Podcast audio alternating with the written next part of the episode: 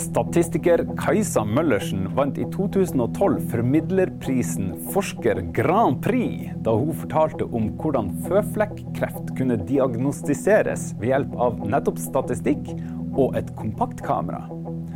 Hun har en forkjærlighet for det som ikke går an å forestille seg, men som fortsatt kan og må forskes på.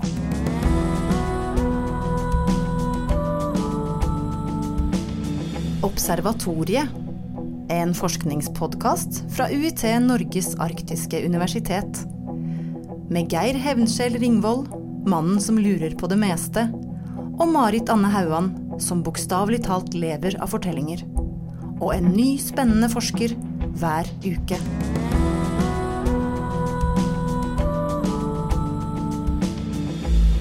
I dag, Marit, skal du få lov til å bryne de små grå med noe så eh, for meg fremmed som ikke-anvendbar matematikk. Høres ikke det ut som en uh, stor og vakker abstraksjon? jeg vet ikke helt ennå hva det er for noe. Jeg gleder meg til å høre. Vi skal snakke med ho Kajsa Møllersen, som er postdoktor eh, på Institutt for samfunnsmedisin. Eh, hun er statistiker Uh, og har uh, veldig mye matematikk i uh, det hun brenner for, og det hun forsker på. veldig dyktig formidler av forskninga si. Vant Forsker Grand Prix i 2012. Både lokalt og nasjonalt. Yes. Mm. Så Kajsa Møllersen, hallo! Hallo! OK, så um, jeg tror vi må forberede den som skal lytte, på, lytte til det her, på at det er ikke alt som kommer til å bli like Altså Det er liksom ikke en fortelling med en start, eh, et høydepunkt og en slutt nødvendigvis, som man er vant til mm. med det du holder på med. Kan vi si. Ja. Har du lyst til å prøve å forenkle litt grann, hva eh, ikke-anvendbar matematikk er for noe? Um, kan prøve å si det på den måten at matematikken i seg sjøl ikke søker svar i virkeligheten. Så når man driver med matematisk forskning, så søker man svar bare innenfor matematikken. Og om det her har en nytte eller ikke, er ikke med på å vurdere om det her er god forskning eller ikke. Veldig mye matematikk eh, har nytte. Veldig mye matematikk har ingen åpenbar nytte. Og veldig, veldig mye matematikk er blitt utvikla uten tanke på nytteverdi, og har senere vist seg å være enormt nyttig. Det må du nesten gi oss et eksempel på. Vi kan jo eh, kanskje starte med et eksempel da, på noe som vi kaller for imaginære tall. Dette er jo veldig spennende. Mange lærte jo på, eh, kanskje på barneskolen eller på ungdomsskolen kanskje, at du ikke kan ta rota av et negativt tall. Hva er rota av minus 1? Jo, rota av minus 1 det kaller vi et imaginært tall. Og det er ikke så lett å se den umiddelbare anvendelsen av det her. Og heller ikke når eh, de første nedtegnelsene vi kjenner rundt eh, Kristi fødsel. Da var det noen matematikere som begynte å interessere seg for det her. I dag er imaginære tall veldig, veldig, veldig mye brukt. F.eks. når man beregner elektriske kretser på vekselstrøm. Det er jo absolutt veldig håndfast. Det er jo den strømmen vi alle har i husene våre. Eh, alle de beregningene foregår med imaginære tall. Det var helt fantastisk. Men kan jeg spørre, hvor satt de der tenkerne som for 2000, vel 2000 år siden Hvor de satt? Hvor hadde de sitt matematiske verksted? Eh, akkurat eh, denne nedtegnelsen kommer jo fra Hellas, da. Eh, og som kanskje man kjenner til, så hadde man jo i Europa en forferdelig periode for vitenskapen der kirka i stor grad prøvde å ikke bare hindre vitenskapelig eh, utvikling, men også slette mye av det som allerede var oppdaga. Eh, mye av den vitenskapen og, og, mye av den matematikken også da, ble jo bevart i arabisktalende land. Så det vi eh, lener på oss i dag i matematikken, kommer veldig mye fra arabiske land. Da, og f.eks. ordet algebra er jo et, egentlig et arabisk ord. Eller et arabisk etternavn. Da. Mm. Så The Axis of Evil har gitt oss veldig mye klokskap. Ja. Og uh, tallene som vi bruker i dag, så vidt jeg husker, det er arabiske tallrekka? Ja, den kalles for arabiske tall, ja. Mm. Men araberne bruker noen andre tall. Oh, ok.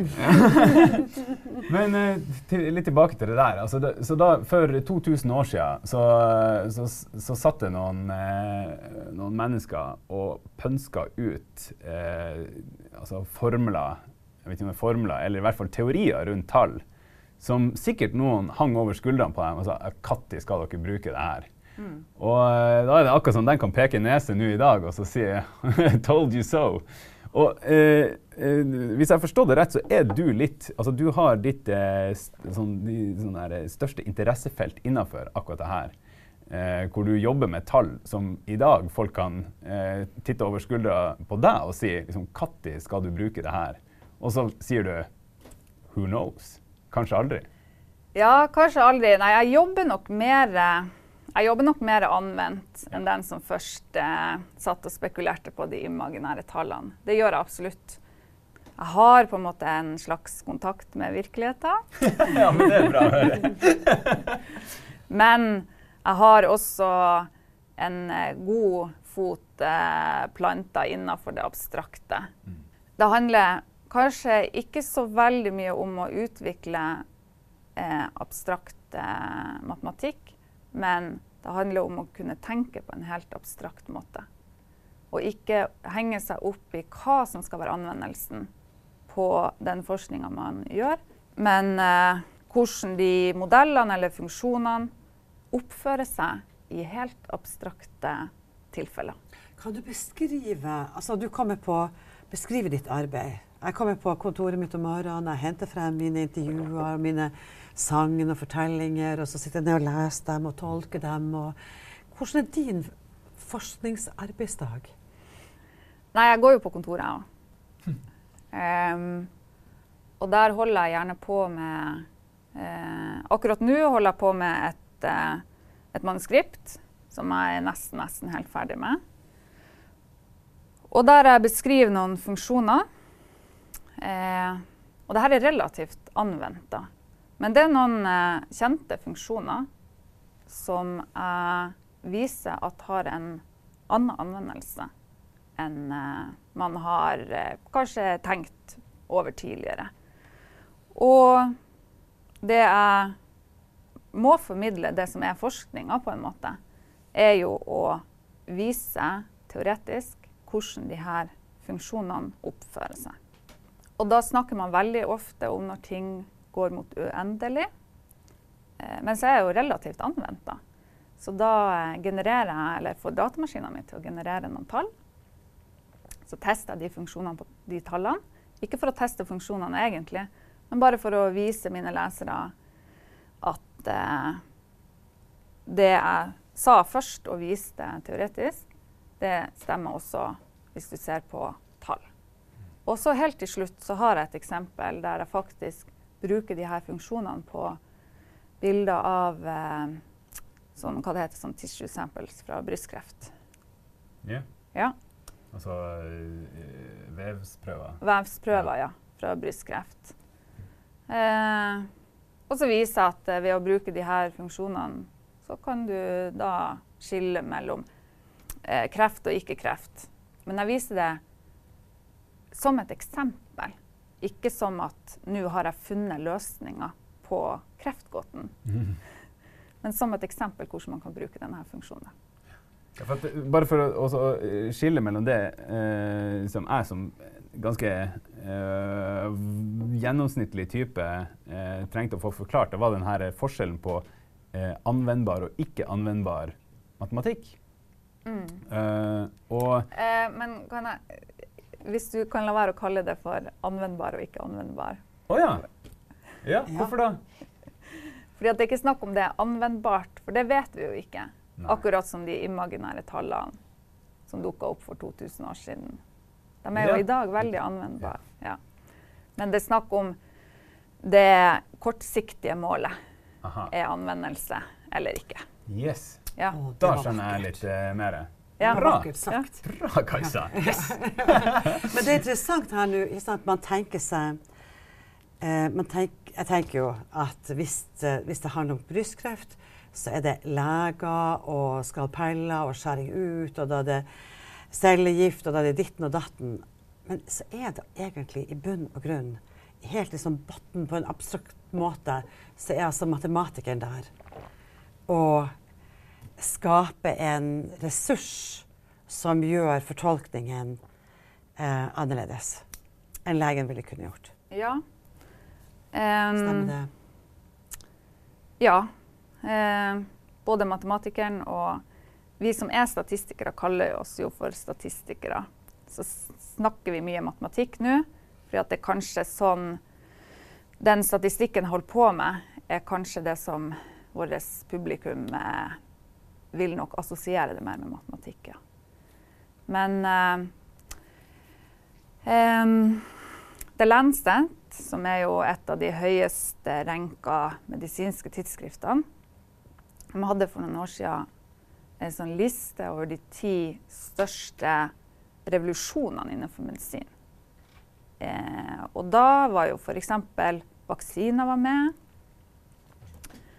Og på eh, kanskje sjetteplass så var det statistikk. Det har altså vært en av de ti største revolusjonene innenfor medisin, ifølge The Lancet. Altså en spesifikk eh, utregning, eller? Nei, det er veldig, veldig få behandlinger som virker på alle. Ja. Så hvordan vet du egentlig om ei behandling virker eller ikke, når det ikke er nok å si at ja, men den virker på meg, så da virker den også på deg. Og da bruker man jo statistikk. Og den statistikken som brukes, er jo eh, Det er ofte ikke statis statistikere som sitter og regner. For den statistikken er så velkjent og gjennomprøvd at det kan på en måte hvem som helst gjøre. da. Men den statistikken ble jo en gang utvikla. Og det var det matematikere og statistikere som gjorde. Som statistikere så lener man seg veldig veldig mye på matematikken. Og i dag, det som på en måte er jobben til en statistisk forsker i dag, er jo å utvikle nye metoder. Som kanskje blir brukt kanskje om ti år, kanskje om 2000 år. Hvem vet. Hva er dine visjoner i forskninga? Vanskelig spørsmål. Sånn kortsiktig så For å kunne gjøre god forskning, så er det jo viktig at man på en måte klarer å spisse sin ekspertise, da. Du kan ikke være veldig god på veldig mye. Du kan være veldig god på én ting. Og samtidig, hvis man skal overleve som forsker, så må man gjerne ha et litt sånn eh, anvendelsesfelt. Mhm. Ja. Og der har jeg jo vært veldig heldig, for jeg startet jo allerede på mastergraden min med statistikk som var anvend, anvendt på kort sikt. Eh, så det er jeg veldig vant med. Å vise hvor eh, lett det er å anvende det jeg holder på med. Da. Mm. Fordi eh, det kanskje du har fått mest oppmerksomhet rundt, det er noe som i fremtida kan være et brukerstøtteverktøy for eh, allmennleger for å gjenkjenne eh, hudkreft. Ja. Og det var du med på Altså, altså din innblanding i det var rett og slett å komme med Det var statistikk, matematikk, eh, algoritmer eller noe? Ja. ja. Forklar oss. ja, takk. takk, Marit. Ja. ehm, man sitter jo da eh, Eller en lege da har en pasient, pasienten har en føflekk, og man lurer på om det her er kreft eller om det ikke er kreft. Og hvis det er føflekkreft, eh, så er det veldig alvorlig. Da kan du dø. Det vil man jo helst ikke. Samtidig så kan man ikke skjære bort alle føflekker som folk har. Eh, Dette er ganske vanskelig å avgjøre, spesielt for allmennleger. Eh, fordi de ser jo ikke så mange nei, Eller de holder jo på med alt mulig rart. sant? Eh, De kan ikke være eksperter på alt. Så det vi eh, prøvde å gjøre La meg understreke at det ikke var bare meg. Vi var eh, ganske mange, en seks-sju stykker. Prøvde å se om er det noe i de bildene av føflekkene som kan uh, oversettes til en, uh, en slags anbefaling for allmennlegen om hva den legen skal gjøre med den pasienten. Kan en si til pasienten eh, det er bare å slappe av, du kan gå hjem, nyte livet. Husk bare å bruke solkrem om sommeren. Mm. Eller skal den si mm, det her er jeg ikke helt sikker på hva er, jeg har lyst til å skjære det ut for å være på den sikre sida. Og da, mm, i et uh, vanlig bilde, som jo i dag stort sett er digitalt alt sammen, så har du jo noen millioner piksler, sjøl på et mobilkamera. Og hver piksel er et tall. Og når du har så mange tall, så er du nesten nødt til å bruke noen statistiske metoder for å rett og slett klare å, å håndtere det her. Da. For alle bilder, absolutt alle bilder du tar, eh, er forskjellige. Så det, du kan ikke bare sammenligne to bilder sånn. Mm. Så det var rett og slett utregninga der eh, for å gjenkjenne noen fargetrekk f.eks. ved føflekker som gikk igjen hos tilfeller av kreft og ikke. For eksempel, ja. Mm. Det, er, det vil jeg kalle anvendbart, i hvert fall. Ja, Er- er det- absolutt. Er det noe vi ser i, i, i si, vår levetid at kommer til å, å bli realisert? Ja.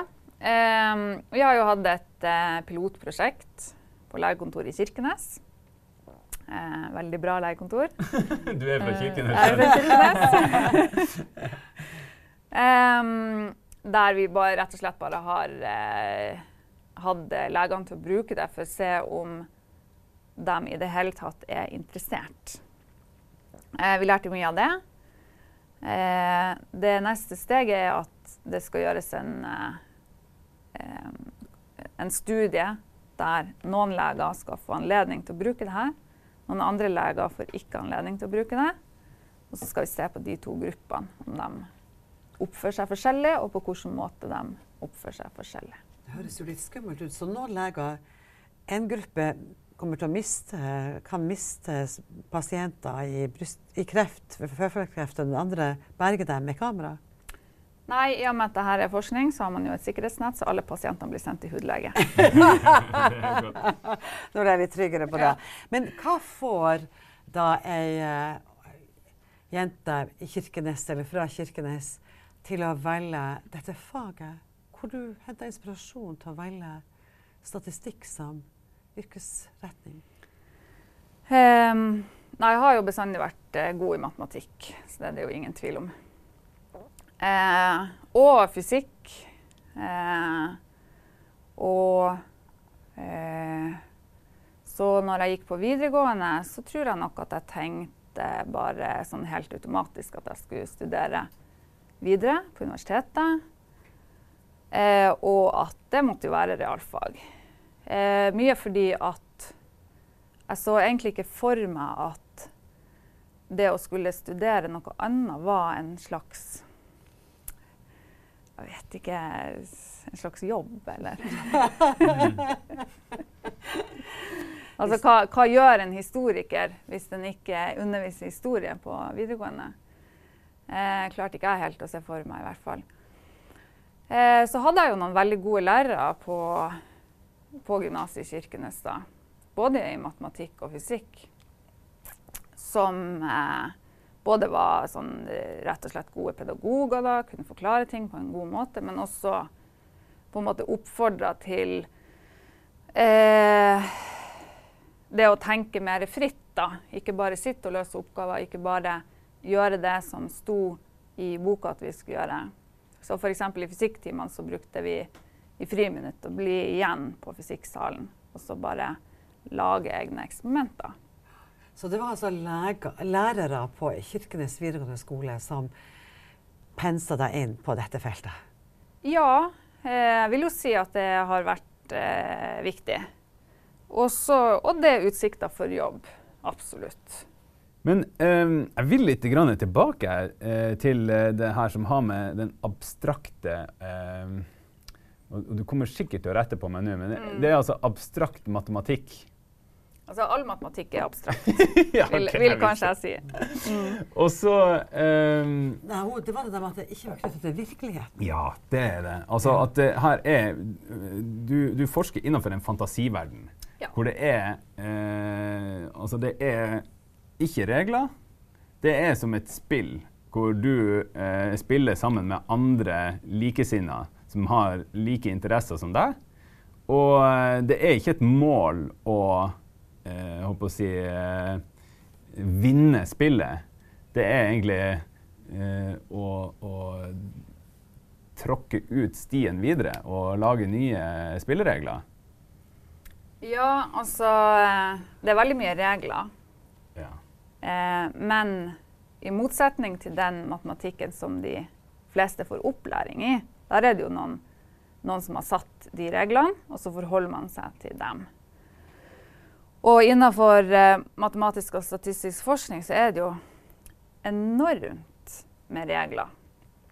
Men du kan på en måte sjøl velge litt eh, hvordan sett med regler du ønsker å forholde deg til. Så på en måte hvilket spill har du lyst til å spille? Mm. Og så er man eh, la med da andre som forholder seg til det samme settet av regler. Eh, og så eh, prøver man eh, å ja, beskrive ting som foregår der, da. Ok, Så hvis jeg og du har et sjakkbrett her Ja. Jeg vet at alle bondene kan bare flytte én frem. Mm. Eh, altså, og, og eh, løperne kan bare flytte diagonalt, eh, og så videre. Du kjenner til reglene der. Hva ville da eh, vår eh, altså, spillopplevelse se ut som innenfor ditt felt? Eh, ja, først så vil jeg kanskje foreslå at man kunne flytte bonden to frem. Ja, man kan jo det på første, første, første noen, flyttet. eh, Hele tida. Ja. Nei, ikke hele tida. Nei, så det, mm, det vil jo f.eks. være hvis, eh, hvis jeg klarte å spekulere meg fram til ei helt ny åpning Yeah. eh, som ville gjøre spillet Endre spillet veldig mye fremover, så ville jo det vært et interessant eh, forskningsresultat. Eller hvis jeg f.eks. ved å si eh, eh, Sjakk er sjakk. Vi har de reglene vi har. Så har vi et annet spill her, ludo. Og det er én ting som ingen før har tenkt på. Hvordan sjakk og ludo henger sammen. Og så kan jeg vise at hvordan ved å endre veldig få regler i sjakk, så blir det faktisk et ludospill. Det ville også vært et veldig, veldig interessant resultat. Kan matematikken klare seg Må man ha noen over- og underordna i matematikken? Noen hele og noen halve tall, eller noen eh, Ehm, nei, det stor, uh, storgreiene innenfor matematikken er jo bare heltall. Så matematikken i seg sjøl klarer seg veldig, veldig fint, altså. Eh, men eh, eh, det er jo også en bra ting at det anvendes. Det er det jo. Spesielt for matematikere. For hvis alle ble anvendt, så hadde man kanskje ikke hatt et eh, institutt for matematikk og statistikk. Um, nei, så det for en matematiker så er det bare ulike, ulike deler av det her. Eh, ikke bare enorme universet, men faktisk uendelige universet. Altså betydninga er Den er rett og slett enorm. Um, men den er veldig, veldig vanskelig å forutse hva forskninga i dag kommer til å bety om 50 eller 100 år. For å interessere seg for eh, matematikkens eh, på en måte direkte påvirkning på samfunnet, så må man enten se bakover i tid, eller så må man ha enorm eh, tålmodighet. Et, eksempel, et annet eksempel på hvordan matematikken har vært med på å, eh, å gå fra eh, noe som ikke er så åpenbart anvendbart, men til å bli anvendt, er jo noe som kalles for bolsk algebra. Eh, som da ble beskrevet på 1850-tallet. Og samtidig med han her mannen, George Boole, så fantes det ei dame som het eh, Ada Lovelace. Eh, hun skrev da ca. 1850 verdens første dataprogram. Uten å ha sett en datamaskin. Og det er, det er, også et eksempel på den abstrakte tenkninga. At du kan faktisk bare ved hjelp av eh, forestillingsevnen lage noe for noe som ennå ikke fins. Og de her to menneskene da, hadde så vidt jeg vet ingenting med hverandre å gjøre. Og Ada Lovelace sitt arbeid var jo retta mot eh, mekaniske datamaskiner.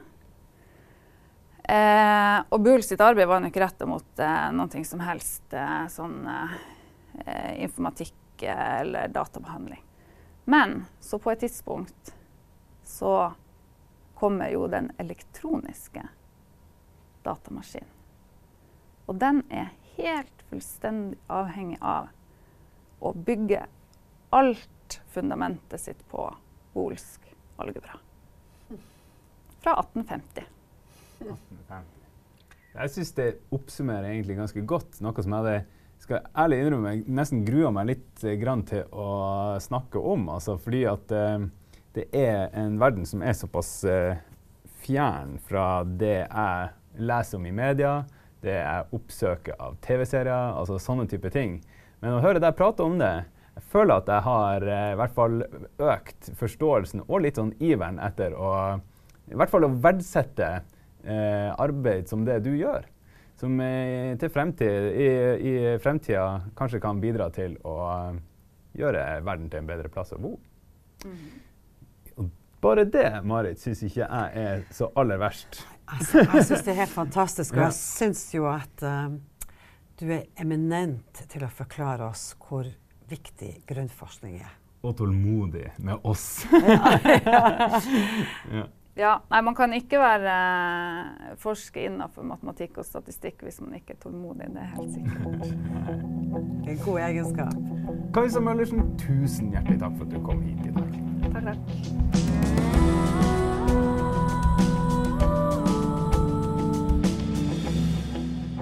Vil du lese mer om Kajsa sin forskning, gå inn på nettsida uit.no 50, eller følg Facebook-sida vår eh, Observatoriet-podkast. Gå gjerne inn og abonner på podkasten, som kommer ut med en ny forsker hver torsdag i hele 2018 på Soundcloud, iTunes eller enhver annen podkast-app. Takk for at du var med oss i dag. Vi høres!